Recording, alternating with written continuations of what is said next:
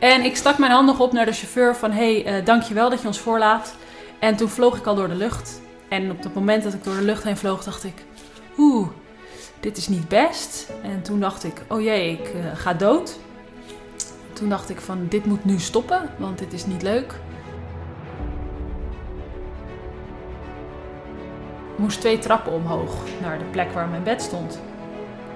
En uh, dat was zo zwaar voor mij. Ik heb me daar zo. Ik ben daar helemaal stuk op gegaan op die twee trappen. Mm -hmm. Nadat ik dus twee dagen plat op mijn rug had gelegen. Ik heb me daar zo zwak en zo slecht gevoeld dat ik dacht: dat gevoel, dat wil ik nooit meer.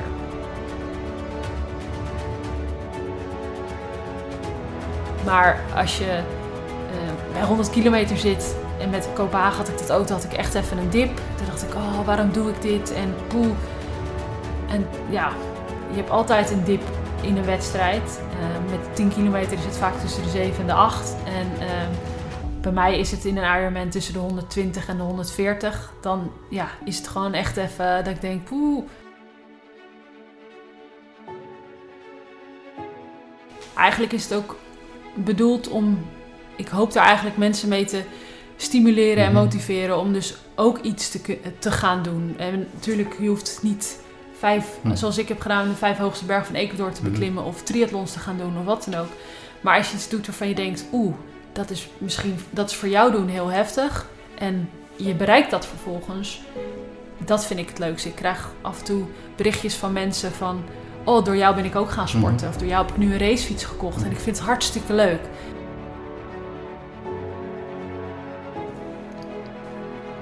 Je hoort Lotte van Tricht, die op haar achttiende tijdens een ernstig ongeluk een ruggenwervel brak.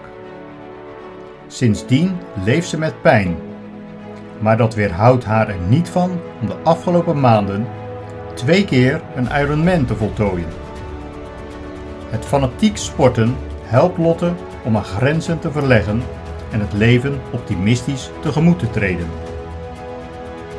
Dit aanstekelijk optimisme levert haar een steeds grotere schare social media volgers op, die zij met haar eerlijke berichten probeert te inspireren. Veel luisterplezier bij de 20ste aflevering van de Gouden Graal podcast. I feel like a. I'm so strong. Bring me the legacy. I'm so fun.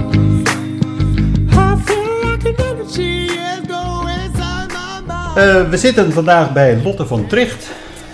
Bedankt voor het accepteren van de uitnodiging. Graag gedaan. Dat ten eerste. Uh, ten tweede is het, voelt het voor mij als een, als een thuiswedstrijd. Want ja, ik kom uit Barendrecht en ik zit nu ook in Barendrecht uh, in, jouw, in jouw huiskamer. Dus ja. het is een, een kortere route als dat ik de vorige keer naar Gerard Nijboer in Drenthe moest. Ja. Dit was maar drie kilometer en toen moest ik er zo'n zo 400 kilometer voor heen en terug reizen. Dus bedankt daarvoor. Graag gedaan. Heel erg leuk dat je er bent. Als eerste, uh, we zitten in je huiskamer. Uh, wat zou je uh, meenemen als het huis nu ineens in brand zou vliegen? Wat is je meest Waardevol. dierbare object? Waar je denkt, nou, er zitten zoveel herinneringen aan, die wil ik wel meenemen. Um, ja, dat is, oeh, dat is wel echt een hele lastige vraag. Ja, het mag er één zijn? Je mag er ook meer doen. Oké, okay, dan zou ik, ik ja, misschien dan toch twee. In mijn harde schijf, waar al mijn foto's en uh, dingen op staan. Mm -hmm. En uh, misschien uh, mijn tijdritfiets die boven staat. ook heel belangrijk. Precies. Ja, ja, ik denk dat, ja, ja, mijn vriend die zit ook boven. Dus die, zit ook boven. die zou ik ook meenemen. Die waarschuwen we dan ook even. ja, dus, als we de fiets meenemen, nemen we die ook gelijk ja. mee, helemaal, helemaal goed. Oké, okay, um, ik heb een aantal dilemma's. Uh, zes uh, in totaal. Uh, en daar had ik graag dat je daar ja of nee op antwoordde. Achteraf mag ik er eentje toelichten. Oké. Okay. Dus. De eerste. Pannenkoeken of hamburgers? Hamburgers. Nou, ik volg je ook op social media, dus vandaar dat ik de vraag stel natuurlijk. Het zijn de hamburgers, oké. Okay. Ja. ja. Flikken Maastricht of The Voice? Allebei niet. allebei niet. Kan ook. Kan ook inderdaad. Misschien wordt de volgende dan ook wel allebei niet. Maar ja. André Hazes of Anouk? Oeh, uh, Anouk denk ik dan. Anouk, okay. Marketing is hetzelfde als verkopen. Ja of nee? Oeh, ehm, ja, denk ik. Donorcodiciel ingevuld. Ja of nee? Ja. De staatsloterij winnen of 10 jaar extra leven. Welk zou je kiezen? Eh, ik denk tien jaar extra leven. Dat waren de zes. Welke wil je nog toelichten? Of zeg je nou, het waren voor mij zulke duidelijke. Ja, ze waren niet allemaal even duidelijk, maar eh, ik denk dat ik toe wil lichten eh, marketing. Waarom? Dat is mijn werk. En daar was ik enigszins twijfelend over. Er wordt altijd een beetje, soms wordt er lachwekkend gedaan over eh, marketing. Eh, en natuurlijk marketing, uiteindelijk, ik durf niet zo zwart-wit te zeggen of het hetzelfde is als verkopen, maar het is wel een tool om iets te kunnen, kunnen verkopen. Mhm.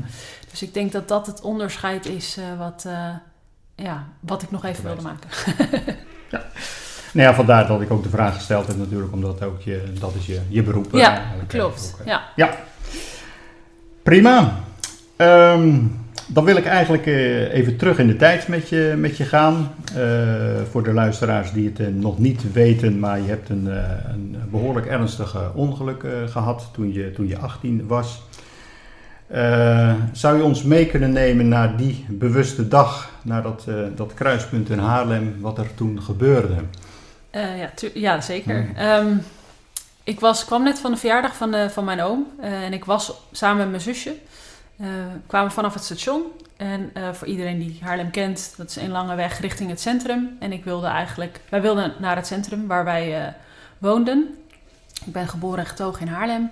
En op weg naar de verjaardag, we kwamen van een verjaardag en we gingen op weg naar de verjaardag van, van een vriendin van mij, die ook jarig was. En we, ja, we, staken het, we wilden het kruispunt oversteken. En de, de Jansweg is dat. En wij gingen rechtdoor. De stoplichten knipperden al oranje. En ehm, er was een bus die stond half op de weg. En ik dacht, hé, hey, die stopt voor ons. Omdat wij hebben voorrang rechtdoor op dezelfde weg gaat voor. Maar hij stopte niet voor ons. Hij stopte op een, voor een auto die vol vaart aankwam rijden eh, van, eh, van rechts. Oh nee, links. Sorry, ja, links-rechts is altijd lastig. En nog steeds. en ik stak mijn hand nog op naar de chauffeur van... hé, hey, eh, dankjewel dat je ons voorlaat. En toen vloog ik al door de lucht. En op het moment dat ik door de lucht heen vloog, dacht ik... Oeh, dit is niet best. En toen dacht ik, oh jee, ik eh, ga dood. Toen dacht ik van, dit moet nu stoppen, want dit is niet leuk. En ehm, toen kwam ik eh, op het asfalt terecht met een keiharde knal. En toen eh, ja, heb ik eerst heel even zo gelegen van, oké. En toen deed ik mijn ogen open. Toen kwamen er gelijk allemaal mensen op me af. En ik heb mijn zusje keihard horen gillen, omdat die, die zag mij levenloos op het asfalt liggen, omdat ik daar zo stil lag en die dacht dat ik dood was. Ehm, en ja, toen kwamen dus allemaal mensen op me af en ik wilde eigenlijk overeind komen, want ik dacht, ja, ik heb hier helemaal geen zin in. Ik wil gewoon weer op mijn fiets stappen en naar die verjaardag toe, doen alsof er niks gebeurd is. Eh, maar dat kon niet. En toen kwam de ambulance erbij. En eh, ja, toen ben ik, zijn we eigenlijk samen met mijn zusje in de ambulance naar het ziekenhuis gebracht. En daar kwamen ze erachter dat ik een eh, gebroken ruggenwervel had.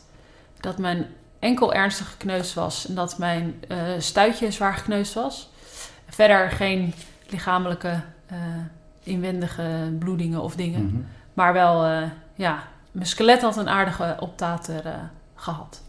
Dus toen heb ik daar twee dagen in het ziekenhuis eh, gelegen. Dus je kan het eigenlijk nog heel goed herinneren. Je ziet Ja. de beelden volgens mij nog helemaal zo voor je. ja, klopt. Eh, het zijn niet de prettigste beelden. Nee. Ehm, en vooral ook die schreeuw van mijn zusje, dat is echt iets wat ik nog heel goed weet. Omdat, ja, die ging echt door, door, ja, die ging door merg en been. En dat, is- ja, dat is iets wat je niet zo snel vergeet. En ook ja, het feit dat je... Ik ben, achteraf heb ik dus gehoord, voor mij was het allemaal donker en ik heb niks gezien. Maar wat, wat er eigenlijk gebeurde is, ik ben net niet door de voorruit heen gegaan. En toen ben ik met het voorwiel meegesleurd, zo'n meter of tien. En toen dus op het asfalt eh, Mhm. ja, terechtgekomen.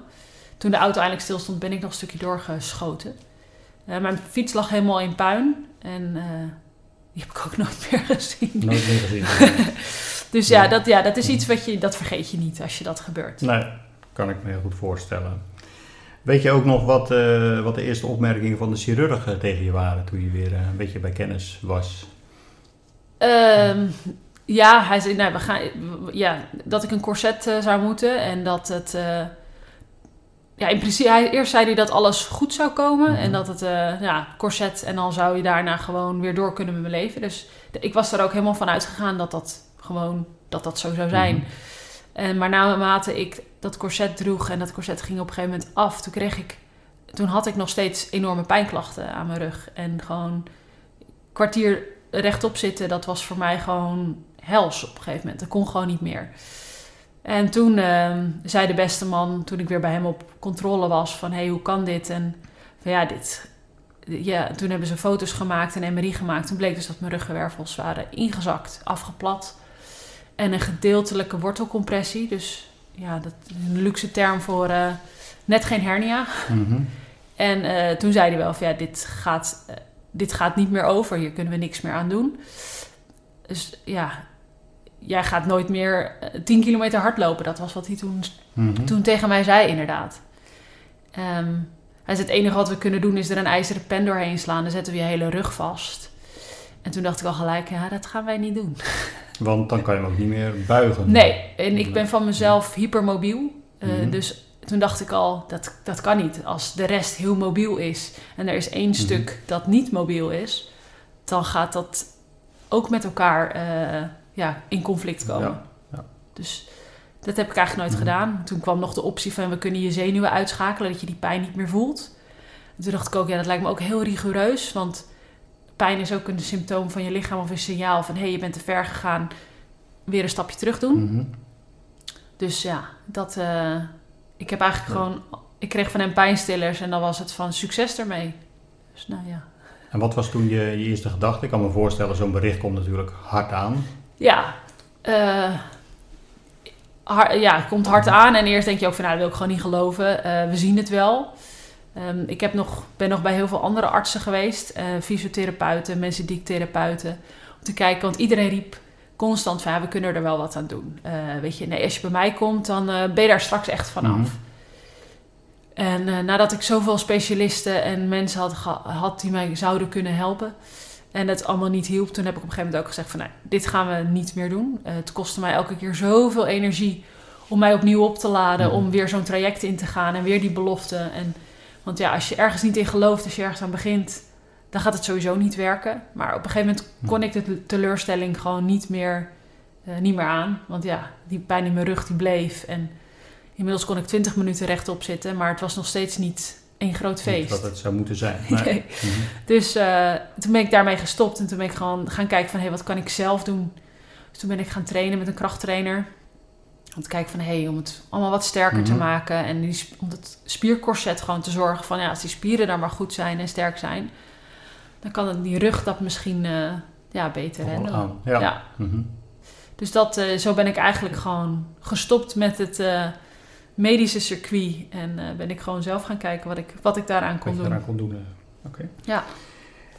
Um, je hebt daarna, we slaan natuurlijk een, een stukje over, ja. uh, maar heb je ook een, een, reis naar Australië en, uh, en Nieuw-Zeeland gemaakt? Ja. Ehm, was dat een soort ommekeer dat je zegt van nou ik wil toch een, een gedeeltelijke punt hierachter zetten en ik wil een, een nieuwe start maken en door zo'n grote reis te maken? Uh, ja en nee. Het was niet zozeer door mijn rug. Ik had um, tijdens, toen dat ongeluk net gebeurde, dus studeerde ik hoger laboratoriumonderwijs. Ik wilde eigenlijk heel graag uh, forensisch onderzoeker worden. Um, werd uitgeloot voor die opleiding. Toen dacht ik, nou, hoger laboratoriumonderwijs is ook in het laboratorium en dan kan ik wie weet doorstromen. Mm -hmm. uh, maar ik heb die opleiding moeten stoppen omdat ik te veel school had gemist vanwege de pijn in mijn rug. En eigenlijk toen ook op de dag van ja in zo'n laboratorium stilzitten is eigenlijk niks voor mij. Dat ja, was niet helemaal, zat niet heel in mijn mm -hmm. systeem. Um, en toen, heb ik, uh, toen ben ik daar naar verpleegkunde gaan doen. Omdat ik dacht, ja, ik wilde vroeger eigenlijk altijd arts worden. Toen dacht ik, nou, um, VWO heb ik nooit gedaan omdat ik...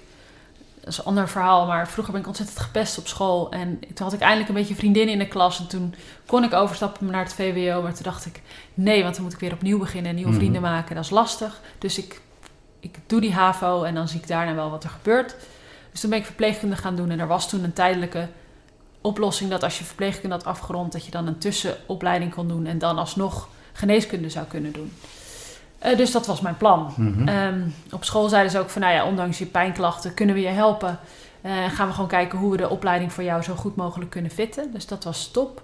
Maar in mijn derde jaar stage werd ik eh, afgekeurd. Mijn stage, eh, heb ik mijn stage niet gehaald. Was in het VU op de verloskundeafdeling. Omdat ik, eh, ja, meerdere redenen, maar ik denk dat zij voornamelijk moeite hadden met het feit dat ik maar drie dagen stage hoefde te lopen, waar anderen vier dagen stage liepen. En zo waren er nog een aantal dingen waarvan ze gewoon. In het begin hebben ze dat nooit tegen mij gezegd dat dat een probleem was. En later werd dat opeens een Mhm. probleem. Dus ik was daar zo toch wel een beetje kapot van. Toen dacht ik, ja, ik trek het lichamelijk niet om nog een derde jaar stage te doen en nog een jaar vierde jaar Mhm. stage. Want ik had inmiddels al door dat het lichamelijk gewoon zo zwaar was dat ik het gewoon lichamelijk niet trok met mijn rug. Dus toen dacht ik, ik moet even mijn gedachten verzetten, inderdaad. Dus toen ben ik naar Australië en Nieuw-Zeeland gegaan. Mijn broer is daar vroeger ook geweest die vond het fantastisch. En eh, toen dacht ik, dat ga ik gewoon doen. Dus toen ben ik, eh, heb ik mijn rugzak gepakt en toen ben ik die kant op gegaan. Ik ken dat gevoel, ja. Ik heb het, eh, ik heb het ook gedaan. ook een klein Ja. ja. heel fantastisch inderdaad. Ja, Ja.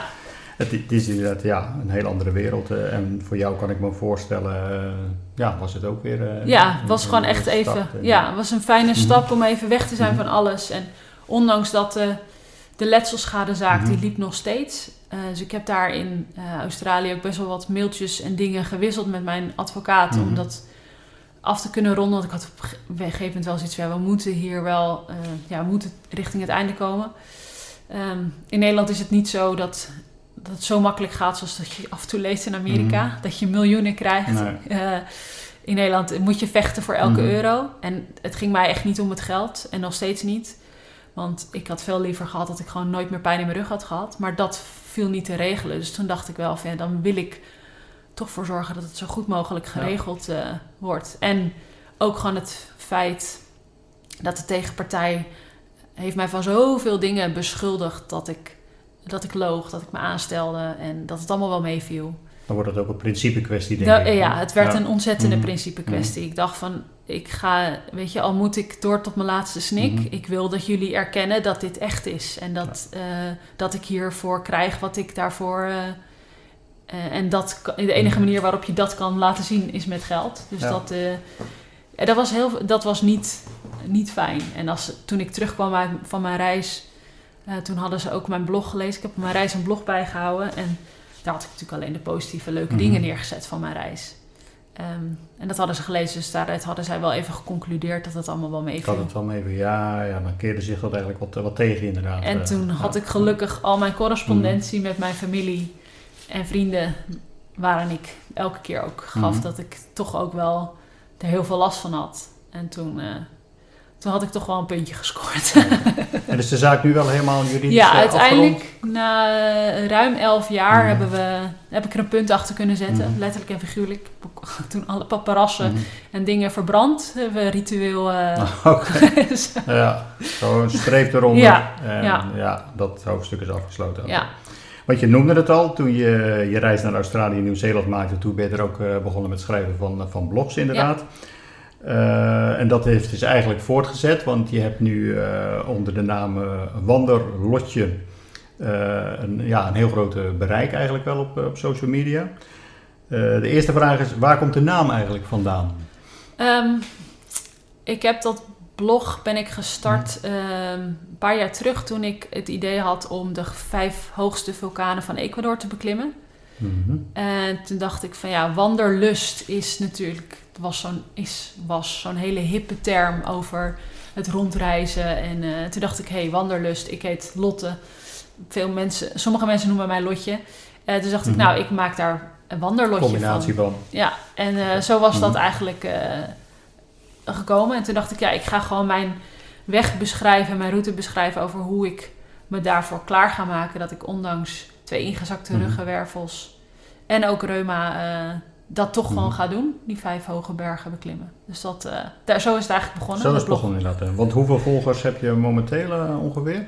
Eh, op Instagram heb ik er pff, iets van bo- boven de 10.000 of zo. Ja, ik, Mhm. het is niet dat ik dat dagelijks in de gaten hou. Nee, ik kan me Het is voorstellen. niet dat je een daar- beetje een indicatie te geven Ja. waar... Het is niet dat je daar een bepaalde status aan tot Nee, dat niet inderdaad. Het is leuk en dat is het. Dus, ja. Maar goed, ik moet zeggen, ik, bedoel, ik, ik volg je nu ook natuurlijk eh, sinds dat ik je in, in de krant zeg maar ontdekt eh, heb inderdaad. Eh, en dat verbaast me dan ook wel, want je doet heel veel over je, je trainingen en je, je wedstrijden waar we zo nog op, op terugkomen. En ja, goed, als je iets gepost hebt, bedoel, binnen een uur staan er wel 300 eh, likes en reacties er staan erop. Dus, dus dat is toch best wel ook leuk, denk ik, toch? Dat, Ja. dat zoveel mensen je, je volgen. Nou ja, dat ja, vind ik hartstikke Mhm. leuk. En het, eigenlijk is het ook bedoeld om...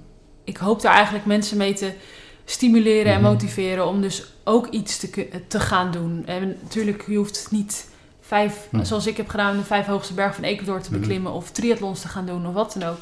Maar als je iets doet waarvan je denkt... oeh, dat is misschien dat is voor jou doen heel heftig... en je bereikt dat vervolgens... dat vind ik het leukste. Ik krijg af en toe berichtjes van mensen van... oh, door jou ben ik ook gaan sporten. Of door jou heb ik nu een racefiets gekocht. En ik vind het hartstikke leuk. Daar word ik zo blij van. Dat ik mensen op die Kan manier kan inspireren om ook te gaan bewegen. Dan denk ik, ja, Mhm. daar doe ik het eigenlijk voor. Ja, nee, maar, op zich een hele leuke bericht. En ik ja, denk je ook niet dat, dat je succesvol hierop bent, omdat je ook, eh, je deelt niet alleen de, de roze geur en maneschijn eh, berichtjes, maar ook als het gewoon wat minder gaat, Ja. bedoel, dan deel je dat ook. Ja. Dus je stelt je soms ook wat kwetsbaarder op. En eh, ja, denk je niet dat het ook een, een deel is van, eh, van ja, dat je meer volgers krijgt? Ja, sowieso het eerlijke verhaal. En ook, ehm, en natuurlijk deel ik niet elke Mhm. keer, ehm, want ik heb eigenlijk, ik heb altijd pijn in mijn lijf. Mhm. En ik sta ermee op, 's ochtends, en ik ga ermee naar bed. En dat hoef ik niet elke keer op Mhm. social media te zeggen, want dan denken mensen ook, ja, pff, heb je haar weer, Mhm. weet je al. ik word af en toe ook moe Mhm. van mezelf, dus ik kan me Mhm. ook voorstellen dat andere mensen moe van mij Mhm. worden. Ehm, maar de positieve manier waarop ik dat probeer te benadrukken en ook toch ook wel een beetje de zelfspot, want ehm, ja, je moet jezelf ook vooral niet te serieus nemen in sommige dingen. En je moet het ook op een. Ik probeer het allemaal op een humoristische en komische manier eh, te laten zien. Want ja, uiteindelijk, weet je, je ik genees er geen kanker mee. En eh, Nee, ik, zo. maar ik zorg niet voor wereldvrede. Mhm. maar ik vind het wel heel erg leuk om te doen. En eh, ja, ik probeer daar gewoon op, ja, op mijn manier dan mensen mee te motiveren. Ja, maar dat heeft eh, ook succes, dus eh, op zich eh, heel, heel leuk inderdaad. eh. Blijkbaar wel. Nu noemde je net ook al eventjes van, ja, je, je leeft eigenlijk nog, nog steeds met, met, met pijn, want je hebt Ja. ook reuma, noemde, je- noemde je net al. Ehm, heb je daar nog, nog steeds behandelingen voor, pijnstillers? Ja, ik heb toevallig ook een keer een blog over geschreven. Ik Mhm. slik elke avond ehm, ontsteking of pijnstillers, zeg maar. En daarbij slik ik mijn reuma-medicijnen en een maagbeschermer Mhm. om te zorgen dat mijn maag niet één grote eh, maagzweer wordt. Omdat het toch best wel heftige medicijnen zijn. En één keer in de week injecteer ik mezelf met een, eh, met een reuma-medicijn. Ehm, en daarbij heb ik, mocht het nog heel, mocht het heel erg zijn, en dat neem ik alleen in uiterste geval van nood, eh, een spierontspanner eh, en dan dus een extra pijnstiller. Om dus te, ja, te zorgen dat de pijn. Dat het eh, beheersbaar Ja. blijft. eh, Oké. Nou zou je ook kunnen zeggen, eh, met de dingen die je net, die je net noemt inderdaad, van nou als ik nu nog eh 10 kilometer kan, kan hardlopen, nou dan, dan, ben ik al heel tevreden eigenlijk, gezien de voorgeschiedenis en wat je nu nog steeds hebt inderdaad. Maar we komen er straks nog wat, wat uitgebreider op terug. Jij gaat wat iets verder als die 10 kilometer. Klopt. ja. ja. Eh, waarom kies je er steeds voor om, om, om die grenzen te, te verleggen? Oeh, eh, nou, zo is het niet begonnen. Het is ooit begonnen met, ehm met hittrainingen tijdens mijn reis. Mhm. Eh, de eerste twee Mhm. weken was ik met een vriend. eh, en die deed altijd 's ochtends een high-intensity training. En voor de mensen die dat niet weten, dat is dat je bijvoorbeeld eh, der- 20 of 30 seconden eh, jump squats, lunges, push-ups, burpees, jumping jacks, dat soort oefeningen doet. Dus op een hoge hartslag. Je hebt 10 seconden rust en dan ga je weer 20 seconden. En daar doe je een aantal sets van. En zo ben ik eigenlijk begonnen met sporten. Want ik deed wel krachttraining, maar verder was ik vroeger niet heel super sportief. Eh, ik was meer een boekenlezer en eh, gewoon eh, lekker in mijn eigen wereld. Mhm. Maar ik vond het wel heel erg leuk, dus ik ben dat samen met hem gaan doen. En toen hij op een gegeven moment weer naar huis was, toen heb ik dat eigenlijk dat half jaar dat ik in Australië en Nieuw-Zeeland heb gedaan, ben ik dat blijven doen. En om, op een gegeven moment merkte ik dat ik fitter werd, dat ik sterker werd, dat ik iets beter die rugzak kon dragen, minder last van mijn lijf had. Dus toen dacht ik, hé, hey, dit is wel iets wat werkt. Het werkt, ja. En eh, ja, toen kwam ik thuis en heb ik dat blijven doen. En op een gegeven moment zei een vriendinnetje tegen mij van... Goh Lot, zullen we meedoen aan de grachtenloop in Haarlem? Dat is een bekende loop in Haarlem, hartstikke leuk. Vijf kilometer. Ik zeg, ja, is goed, wel die vijf. Want tien dat vind ik vreselijk, dat is veel te ver, Mhm. zei ik. En eh, dat de arts vroeger tegen mij had gezegd dat, dat ik dat nooit zou kunnen doen... heb ik toen niet eens over nagedacht. Ik dacht gewoon, oké, het lijkt me best leuk, laten we het een keer doen. Toen zeg ik, maar, ik zeg, we moeten er wel een doel aan verbinden. Ik zeg, eh proberen die vijf dan onder de 20 minuten. Ik was totaal niet bekend in het hardlopen Mhm. dat dat echt zo'n zo'n ding is. De vijf onder de 20. Dus wij zijn daarvoor gaan trainen op een manier zoals wij toen dachten dat dat de beste manier was. Door elke keer vijf kilometer zo hard mogelijk te rennen. Inmiddels weet ik dat dat niet de manier Hm. is. Maar toen dachten wij dat, dat, dat we goed bezig Mhm. waren. En ik heb toen die vijf gerend. Het was het in 22 en een halve minuut. Ik, op een gegeven moment had ik ook wel door 20 minuten wel echt. eh, maar weet je, je gaat er gewoon voor. En op ja, toen die vijf gedaan. En toen zei mijn zusje een half jaar later van... eh, zullen we meedoen aan de halve van Haarlem? Dat is een halve marathon in Haarlem. Ook een leuke loop. En toen dacht ik, poeh, een halve marathon is wel heel ver. Ik zei, nou, is goed. Ga, gaan we doen. Zeg maar, dan doen we het wel samen. Dus jij moet hem ook doen. Dus nou, inderdaad, wij samen daarvoor trainen. En toen nog steeds had ik niet heel veel verstand van trainingsleer. En toen deed ik elke keer 17 kilometer op een zo hoog mogelijk tempo. en eh, ja, ik heb eh, het, op een gegeven moment, zat, toen zat ik al op Instagram, omdat ik ook al bezig was met dat doel naar Ecuador Mhm. toe. En toen kwam ik ook in contact met wat mensen uit de hardloopwereld. En die gaven mij wat tips. Van nou Lot, misschien kan je af en toe eens een interval doen. Ja. En een rustige loop. Mhm. En dus toen ben ik dat een beetje zo gaan doen. En ook toen had ik mezelf als doel gesteld van nou die, die halve marathon die moet onder de 1 uur 50. Ja, dat was, dat was toen het doel. Dus eh, en uiteindelijk, ik heb dat toen ook gered. En ja, zo kom je steeds Elke keer weer een stukje verder. ja, en ja, Mhm. toen had ik een halve marathon gedaan. En toen ben ik naar Madrid gegaan voor nog een halve marathon. En toen ben ik nog struikelend over de finish eh, gekomen. Eh, en toen dacht ik, ja, nu een marathon. Mhm. En ja, zo, zo blijf je... Zo Blijf je de grens weer Ja. opzoeken, ja. en dat was toen ook allemaal voor dat doel van, van Ecuador. Want Mhm. ik had daar contact met iemand die zei van... Ja, als je dat wil doen, die vijf hoogste bergen... De hoogste is boven de 6000 meter. Dan moet je gewoon zorgen dat je conditie zo goed mogelijk is. En hardlopen is daar zeker een goed, eh, goed, goed iets voor. Instrument Ja. En ik vond het, begon het ook leuk te vinden. Dus ik dacht, nou ja, waar ik vroeger echt nog niet naar de bus wilde rennen... omdat ik dacht, poeh, eh, vreselijk... deed ik nu voor mijn plezier een halve marathon... en was ik aan het trainen voor, voor een marathon. En ja, als, als je tegen mij toen had gezegd...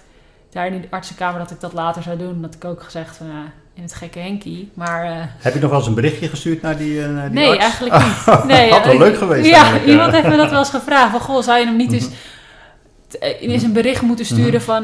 jij zei dat toen tegen mij...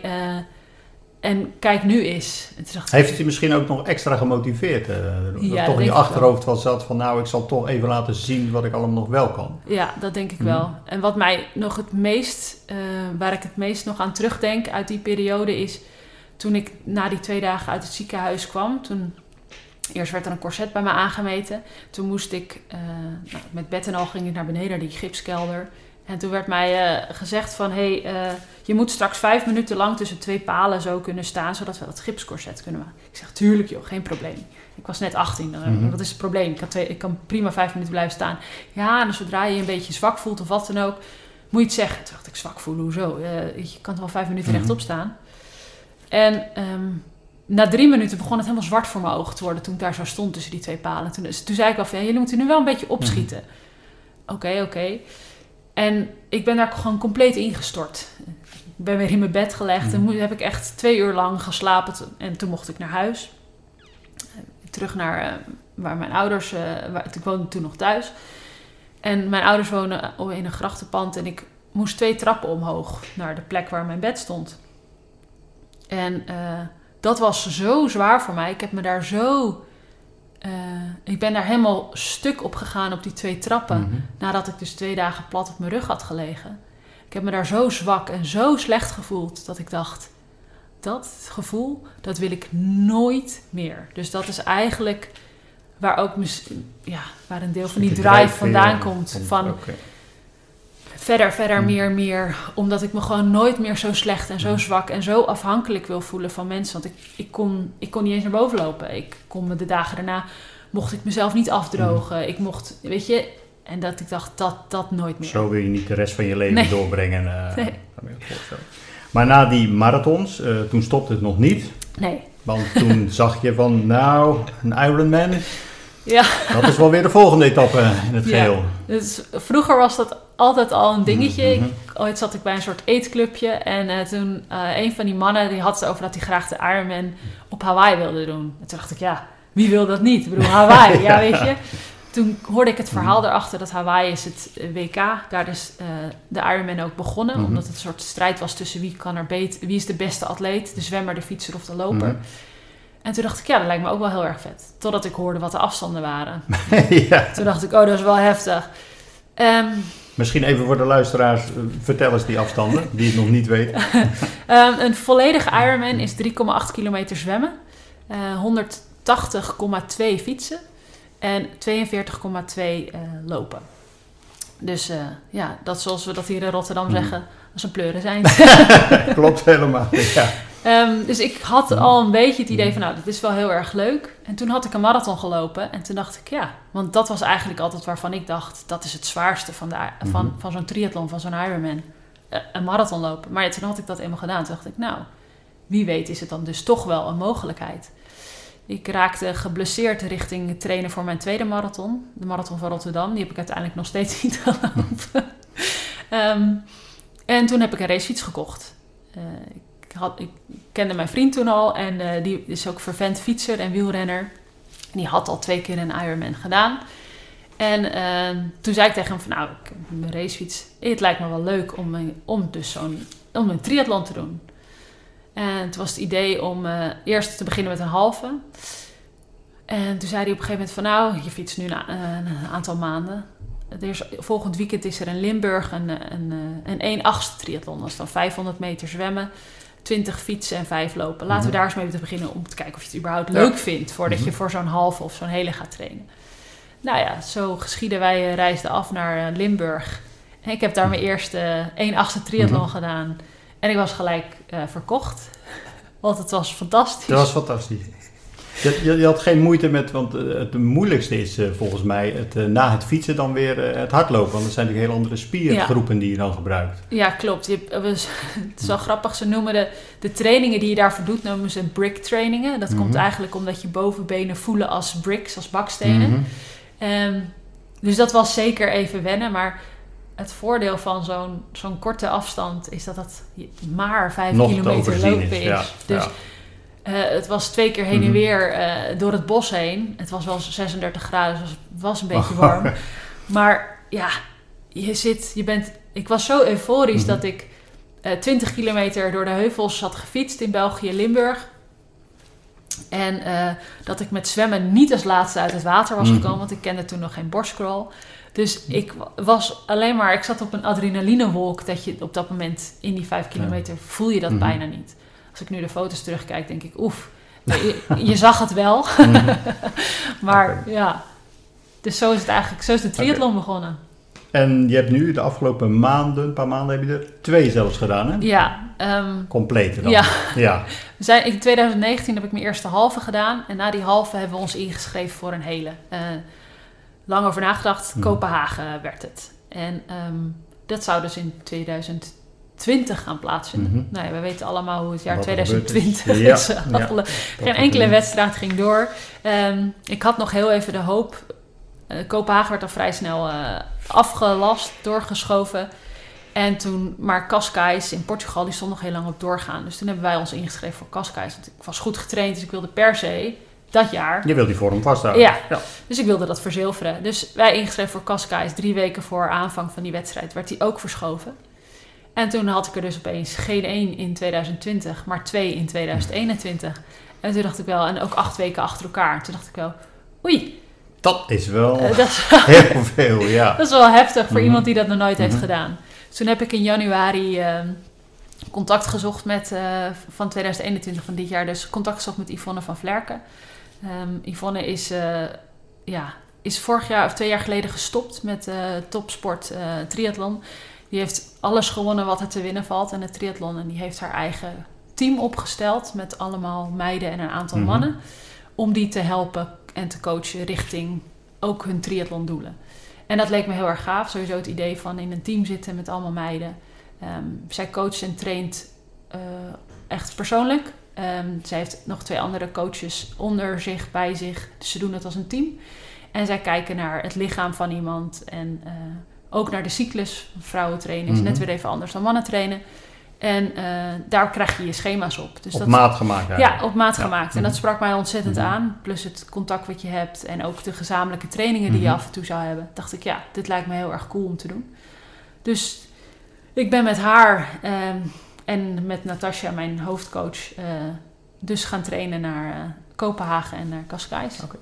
Wat kan je ons meenemen in zeg maar een gemiddelde trainingsdag als je in de voorbereiding bent voor zo'n uh, voor zo'n Ironman? Um, ja, een dag verschilt heel erg. Ik, ik, werk er ook nog fulltime bij, dus dat is wel de, de, de soms de uitdaging. Um, maar gemiddeld heb je trainingsweken tussen de 12 en de 18 uur. Um, en afhankelijk van wat voor dag het is, uh, of ik wel of niet moet werken, mm -hmm. uh, heb je één of twee trainingen. En in het weekend staan vaak je lange duurritten, je lange duurloop gepland. Je zwemt drie mm -hmm. keer in de week um, gemiddeld.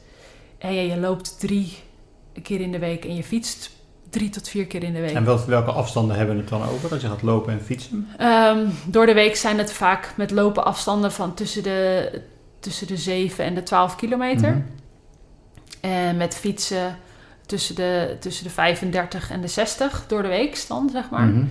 En in het weekend zit je al gauw uh, richting de 100 of zelfs over de 100 kilometer. Ja, ja. ja.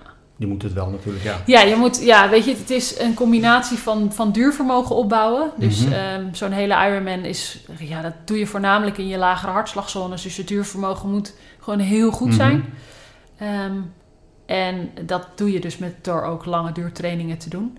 En um, tegelijkertijd probeer je ook wel wat snelheid in, uh, zoals ik altijd liefkozend het kadaver te, te krijgen, uh, zeg. Om mm. toch te zorgen dat je niet uh, de volledige 15,5 mm. uur hoeft te benutten om over de finish te komen, maar dat je toch wat sneller doet. Ja, oké. Okay. ja, oké. Okay. En doe je nog steeds die high intensity interval training? nee, dat eigenlijk niet meer. Ik mm. ben daarmee gestopt sinds dat ik ja, hier woon en mm -hmm. uh, vol focus op de triathlon. Voorheen deed ik het, toen ik nog in Haarlem woonde, deed ik het samen met twee vriendinnen elke vrijdagochtend. Mm -hmm. En dan doen, ja, dat was, waren, was onze zweetdate. de ADHD vrijdagochtend was dat. En, uh, okay, ja. Is het trouwens ook een uh, Iron Woman? Want het heeft wel Iron Man, maar... Ja, dat vragen meer mm -hmm. mensen. Maar nee, het is echt, ja... Ironman is eigenlijk het merk. Um, Net zoals je hebt Challenge en je hebt Ironman en je hebt dan nog een aantal andere organisaties. Eigenlijk is Ironman gewoon een organisatie, is wel een van de bekendste organisaties. Mm -hmm. uh, en zij organiseren halve en hele triathlons en ook kwarts. En, uh, maar het, het, eigenlijk... Het, dat is eigenlijk de merknaam. Ja, het is gewoon een merknaam. En ah, volgens okay. mij organiseren mm -hmm. ze wel Iron Woman races. Maar het zijn dan weer andere afstanden en mm -hmm. dat is niet de afstand. Nee, oké. Okay. Dat is niet, dat is een beetje voor losers, zou ik nou, bijna willen zeggen. Nee, dat, wil, dat wil ik niet zeggen, maar nee, maar nee het is, ja, en ik vind het wel, wel cool dat het gewoon mm -hmm. Ironman heet. En ja. wat ik ook leuk vind aan triathlon sport is dat ze geen onderscheid maken tussen mannen en vrouwen. Ja, natuurlijk wel in de, in de prijsuitreiking. Mm -hmm. um, maar, maar je start allemaal tegelijk. Je start allemaal tegelijk. Mm -hmm. En met, uh, zoals bijvoorbeeld met wielrennen, krijgen de vrouwen altijd een kortere koers dan de mannen. En met triathlon is dat absoluut niet zo. Je fietst de mannen fietsen 180 kilometer en de vrouwen ook. ook. Ja. Dus dat is wel, ja, dat vind ik wel mooi. Ja, ik kan me voorstellen. Uh, ik wil nu gelijk uh, naar het volgende hoofdstukje door, uh, doorschakelen. Uh, de mindset. ik heb natuurlijk wat, wat gelezen wat je allemaal geschreven hebt en waar je mee in de publiciteit bent, bent gekomen. en ik kwam eigenlijk twee motto's kwam ik, kwam ik tegen. eentje was, vond ik wel heel leuk, van Pipi Langkous. Ja. Uh, ja. Misschien kan je hem zelf noemen. Ik heb, het nog, uh, ik heb het nog nooit gedaan, maar ik denk wel dat ik het kan. ja, Pippi. Mm -hmm. um, ja, ik, daar geloof ik gewoon in. Mm -hmm. Ik weet je, um, hoe kan je zeggen dat je iets niet kan als je het nog nooit geprobeerd hebt. En als je het nooit probeert, zul je ook nooit weten of, het je, of je het wel of niet kan. Eh, dus dat, ja. En het is toch leuk om af en toe gewoon nieuwe dingen te proberen en jezelf uit te dagen. En ja, dus dat. Ja, ik, ik vind het gewoon cool. We kunnen hem zo op een wandtegel ja, hem, zeker. Uh, bakken, zeg maar. Ja. ja. een andere, ja, die, die, komt er eigenlijk wel een beetje, een beetje op hetzelfde neer. If you can dream it, you can do it. Ja, nou ja, mm -hmm. dat is iets wat ik mm -hmm. echt, waar ik gewoon heilig van overtuigd ben.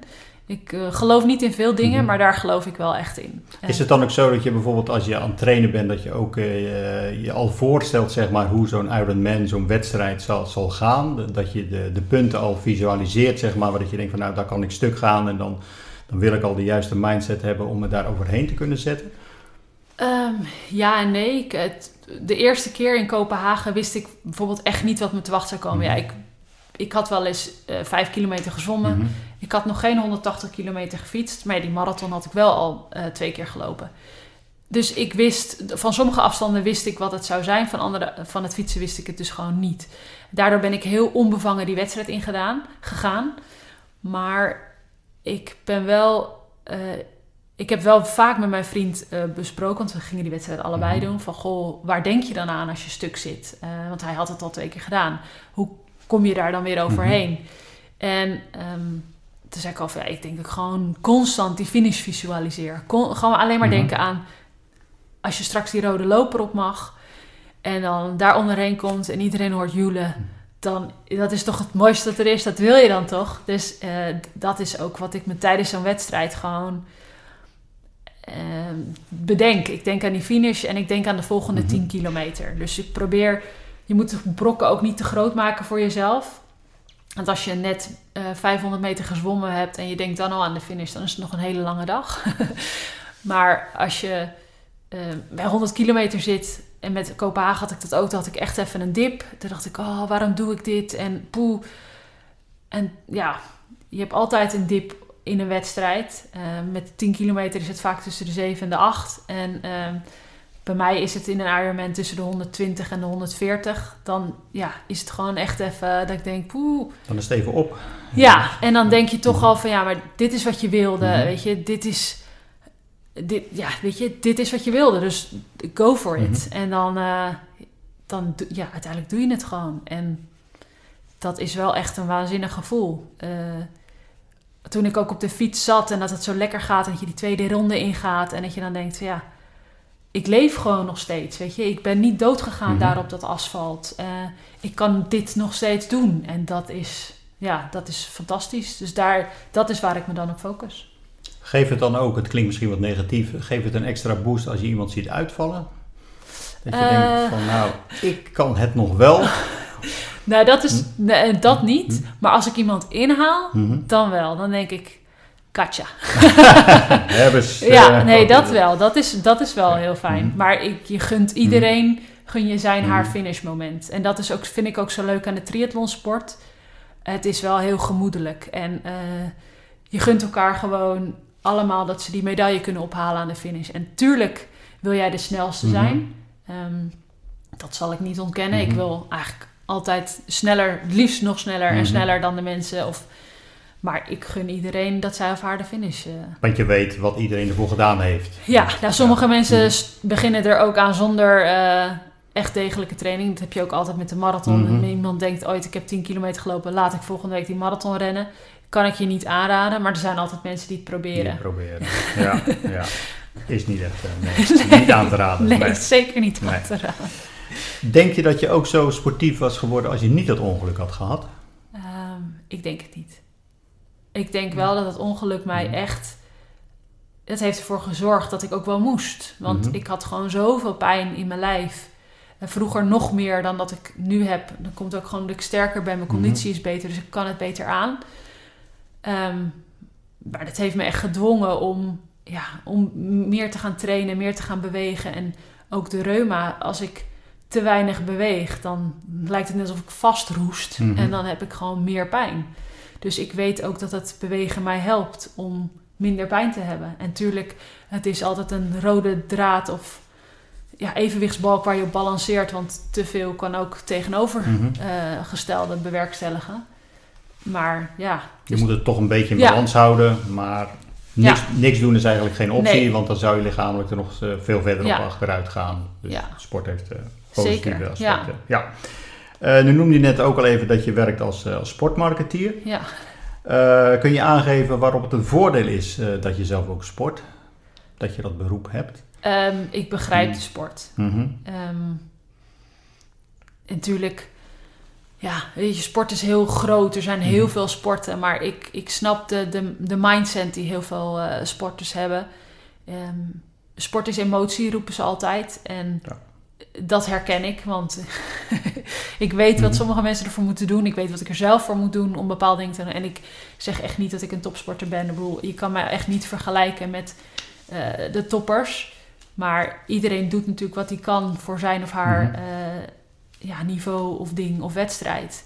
Dus ik denk wel dat het helpt dat ik weet wat er in, die, wat er in de sport omgaat. Mhm. En natuurlijk niet elke sport, want ja, weet je, ik heb geen verstand van autoracen. Ik bedoel, ik vind het heel leuk wat Max heeft bereikt mhm. afgelopen weekend. Maar ik zit, ja, dus dat is wel, dus natuurlijk zijn er limieten aan wat je weet en wat je. Uh, ja.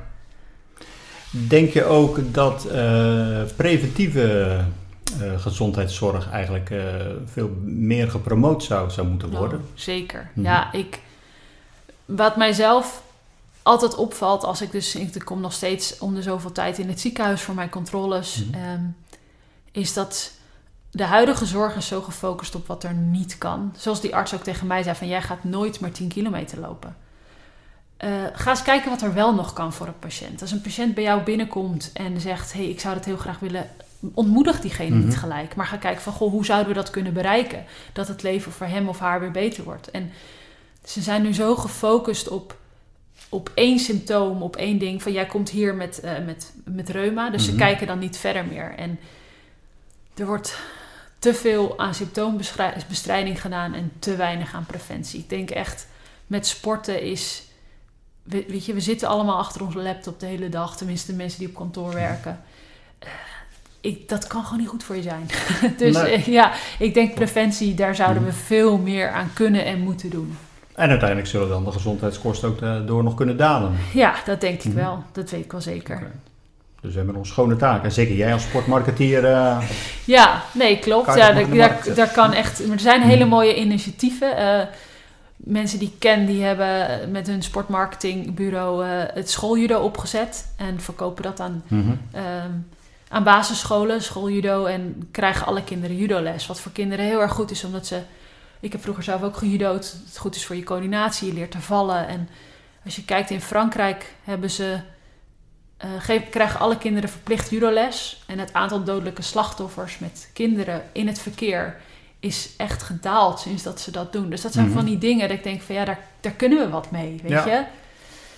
Het zou mooi zijn als Het is al bewezen, dus ja. laten we het hier ook ja. horen. Ja, ja, helemaal gelijk. Als je wel eens een, eh, een, wat slechtere dag hebt en je zegt zelf al van, nou ja, je, je, je, je hebt nog, nog steeds veel, veel pijn, dus s ochtends ook als je uit bed komt. Helpt het dan ook wel eens als je denkt van, nou ja, ik, ik mag eigenlijk uh, niet zeuren, want er zijn mensen die hebben het nog veel slechter. Ja. Is dat wel eens een gedachte die dan door je heen gaat? Tuurlijk, zeker. Mhm. Ehm, er zijn verschillende momenten. Er zijn momenten dat ik er echt ontzettend van baal. En dat je dan denkt, waarom ik? Weet je mhm. wel? En er zijn ook momenten dat ik denk, ja, uh, ik leef nog, kan nog lopen, kan nog mhm. bewegen. Um, kijk uh, inderdaad naar iemand die het min minder getroffen heeft. Um, en natuurlijk is dat goed. Relativeren is goed. Mhm. Ik ben echt pro-relativeren. Maar het is ook goed om af en toe even stil te staan bij wat je wel zelf hebt. En ook de verliezen die je daardoor hebt, zeg maar. De, ja, weet je, bepaalde dingen moet ik gewoon echt rekening mee houden. Als ik s'avonds gezellig met vrienden uit eten wil of aan tafel wil dineren, dan zal ik een moment rustig op de bank moeten mhm. liggen, omdat ik het anders niet volhoud. Als, met trainen ehm, voor zo'n Ironman heb ik mijn familie en vrienden best wel een beetje verwaarloosd. Want uh, die wonen allemaal nog in Haarlem. Maar ik trok het niet als ik vijf uur s ochtends had gefietst en een half uur had hard gelopen. Om dan smiddags nog uh, naar Haarlem te rijden. Dat lichamelijk mhm. kan ik dat gewoon mhm. niet. En dat zijn wel dingen waar dat vind ik af en toe moeilijk. Daar heb ik, uh, je moet keuzes maken. Ja, ja. en dat is niet erg, mhm. uh, want je doet wat je leuk vindt. Maar dat is wel af en toe waar je ook bij stil moet staan. Dat, ja, en natuurlijk eh, kan je dan altijd naar iemand kijken die in een rolstoel zit, want dat had mij ook kunnen gebeuren. Uh, dat hebben ze toen ook gezegd van je hebt Mhm. heel veel geluk gehad. Want ja, je had ook twee verbrijzelde benen kunnen hebben en no- nooit meer kunnen lopen. Ja, dus dan dat is wel. leven er heel anders uitgezien. Ja. Dus ja, nee, relativeren is prima. Mhm. Eh, maar ja, kijk af en toe. Ja, dus je moet ook af en toe stilstaan bij wat je denkt en voelt. En niet alleen maar dat wegduwen. Waar ik wel heel goed in ben. Ja, mooi. Ehm, nu we deze podcast opnemen, eh, er is nu een, een regeerakkoord, eh, hebben we gisteren te horen gekregen. Dus dat betekent dat ze gaan nu ook de, de poppetjes zoeken om de ministersposten te gaan, eh, te gaan vervullen. Ik zie al een beetje lachen, dus je weet welke vraag dat er, dat er aan gaat komen. Je Ja. hebt al een podcast van mij geluisterd. Nou, je, je mag kiezen, wil je liever minister-president worden of wil je liever minister van sport worden? En dan gelijk de tweede vraag, wat zou dan die eerste beslissing zijn als je het departement binnenloopt op je eerste werkdag? Wow. Is eh, heel lastig. Ik denk niet dat ik ooit gekozen zou worden, want ik ben te weinig diplomatiek voor dit soort functies. Alles kan in de Gouden Graal podcast. Alles kan. Ehm, ik denk dat ik. eh, er zijn eigenlijk twee dingen heel belangrijk. Sport moet goedkoper, misschien wel gratis. Ehm, er zijn te weinig. Er zijn heel veel kinderen die het niet kunnen betalen om naar een sportvereniging te gaan of te kunnen sporten. En ik denk dat dat gewoon. Iedereen zou moeten kunnen sporten als ze dat willen. En ik denk dat er ook beter. De gezondheidszorg kan beter geregeld worden. Echt eh, meer op preventie zitten. Misschien zelfs wel gratis. ehm, iets in die, eh, die trant. En een beetje off-topic. Eh, vroeger, het is nu ook bijna kerst en zo. En je mag ervan houden of je mag er niet van houden. Maar het is altijd zo'n ding van met kerst moeten we lief zijn voor elkaar en aan elkaar denken en dit en dat. Maar ik denk, dat moet niet alleen met kerst. Je moet altijd gewoon lief en aardig zijn voor je medemens. En wat meer geduld en begrip hebben voor elkaar. En dat is wat je de laatste tijd, zeker nu ook met corona alles, gewoon ziet in de hele samenleving. Mensen zijn zo boos, hebben zo'n kort lontje en doen zo af en toe zo naar tegen elkaar. Zeker ook op social media en online. En denk ik, poeh, denk eerst eens een beetje na voordat je iets blert of iets roept. En wees eens aardig voor elkaar, want je weet niet altijd wat iemand doormaakt of waar iemand mee zit of een slechte dag heeft of net slecht nieuws heeft gehad. En dus dat zou ik ook graag willen veranderen. Beetje meer kerst gedurende het hele jaar. Nou, dat vind ik een hele mooie, mooie conclusie. Meer kerst eh, gedurende het hele jaar. Eh, dan zijn we aan het einde gekomen. Eh, je mag zo nog even het doosje openmaken met de bekende Gouden Graal mok. Dan gaan we daar nog een mooie foto voor, voor maken als we hem online gaan zetten, de podcast. En ik wil je bedanken voor je, je openhartige verhaal, eh, dat je dat eh, met mij, met de luisteraars eh, hebt gedeeld. Ja, en jij bedankt dat ik het mag en mocht delen. En nog heel veel succes natuurlijk met, met je prestatie en, en de rest van je leven. Gaat goed komen. Volgend jaar weer een kans. Goed zo, dankjewel.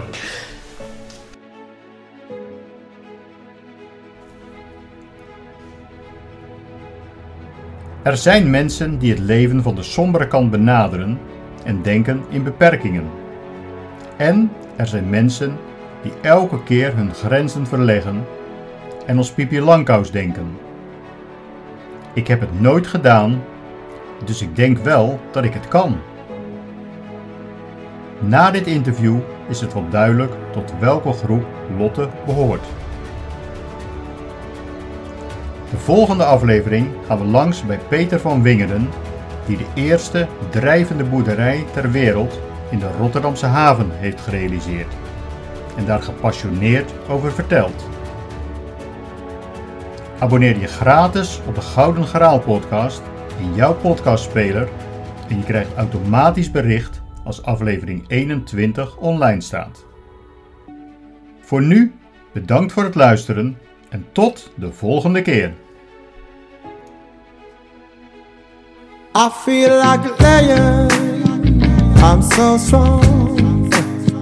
Bring me the legacy. I'm so fun.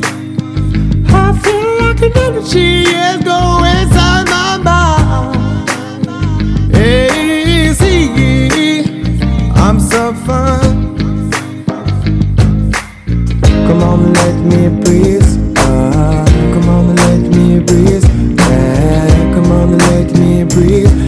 me breathe. I know we'll let it show.